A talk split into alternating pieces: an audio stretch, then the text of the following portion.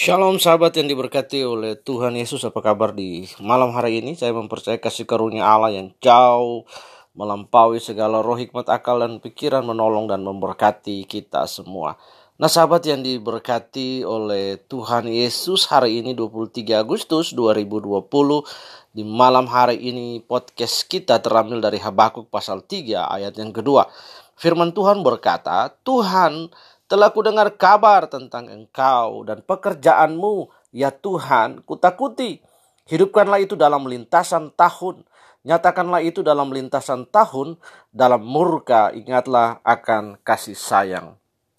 Sahabat yang dirahmati oleh kasih karunia, podcast kita hari ini berjudul Diri yang Memuji. Dalam keheningan dan kesadaran akan tidak utuhnya kehidupan. Habakuk mulai bernyanyi Nyanyian memerlukan ruang untuk beresonansi. Ruang getar itu adalah sikap batin yang lapang, menerima dan menunggu awasan baru. Dalam ruang itu, nyanyian menemukan daya kreatifnya, mencipta ulang diri kita yang putus asa, melihat realitas tak kunjung bahagia. Sahabat yang diberkati oleh kasih karunia, Habakuk bernyanyi dari masa lalu Pikirannya menerawang ke belakang, dan dari bibirnya terlontarlah ingatan-ingatan tentang karya-karya Allah yang begitu spektakuler dan hebat.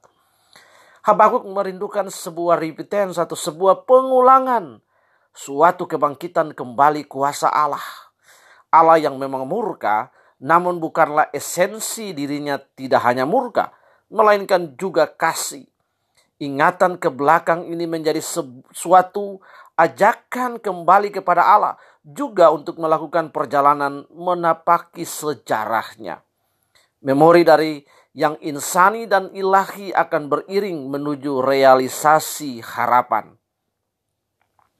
Sahabat, Habakuk mengingat pekerjaan-pekerjaan Allah pada waktu zaman keluaran. Kita dapat membacanya dalam Habakuk 3 ayat yang ke-15. Ia dikatakan datang dari Teman dan Paran, lokasi-lokasi yang mengingatkan kita akan pertolongan Allah bagi Israel. Kita dapat membacanya dalam ulangan 33 ayat 2. Kemuliaannya digambarkan sebagai bercahaya, simbol kekuatan dan keagungan. Yahweh yang digambarkan sebagai orang yang penting diiringi oleh dua ajudannya, penyakit sampar dan demam. Keduanya adalah keduanya adalah disembah oleh orang-orang Kanaan sebagai dewa-dewa. Di sinilah Yahweh yang berkuasa mengendalikan musibah-musibah itu. Penampakannya melalui kekuatan-kekuatan alam membuat mereka yang melakukan ketidakadilan gementar. Sahabat yang dirahmati oleh kasih karunia, Allah juga adalah Allah yang ber, berperang. Ia melawan sungai dan samudera, lebih berkuasa dari dewa-dewa samudera bangsa kanan. Ia adalah satria ilahi dengan berkendera kuda. Ia maju dengan gagah berani dan menjadi pahlawan bagi umatnya. Habakuk menyudahi nyanyiannya dengan kegentaran ia akan menunggu dalam kesesakan, ia tidak akan lari. Ratapan tergantikan dengan sorak-sorai puji Tuhan.